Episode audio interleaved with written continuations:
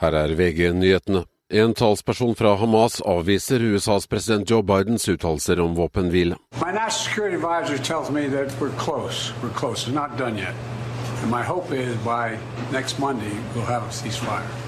Dette er forhastet og stemmer ikke overens med situasjonen på bakken, sier Hamas-talsmann. Musikkprisen Spellemann skal ikke lenger vises på NRK, i stedet skal den livestreames via Nettavisens og medias kanaler. Spellemannsprisen har blitt vist på tradisjonell TV i 50 år. Den svenske landslagsspilleren Kristoffer Olsson ligger i respirator på sykehuset etter en akutt sykdom der han mistet bevisstheten i sitt hjem forrige uke. Klubben hans danske Midtjylland skriver at han trolig er rammet av en akutt sykdom knyttet til hjernen.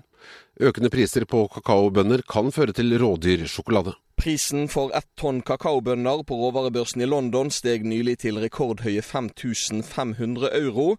For bare ett år siden var prisen på 2500 euro, og det betyr dyrere varer. Av bønnene eller frøene lages både kakao og sjokolade. Dårligere avlinger i Elfenbenskysten og Ghana, trolig som følge av klimaendringer, er blant årsakene, ifølge WWF. Reporter var Thomas Alsaker. I studio Frode Sti, nyhetene får du alltid på VG.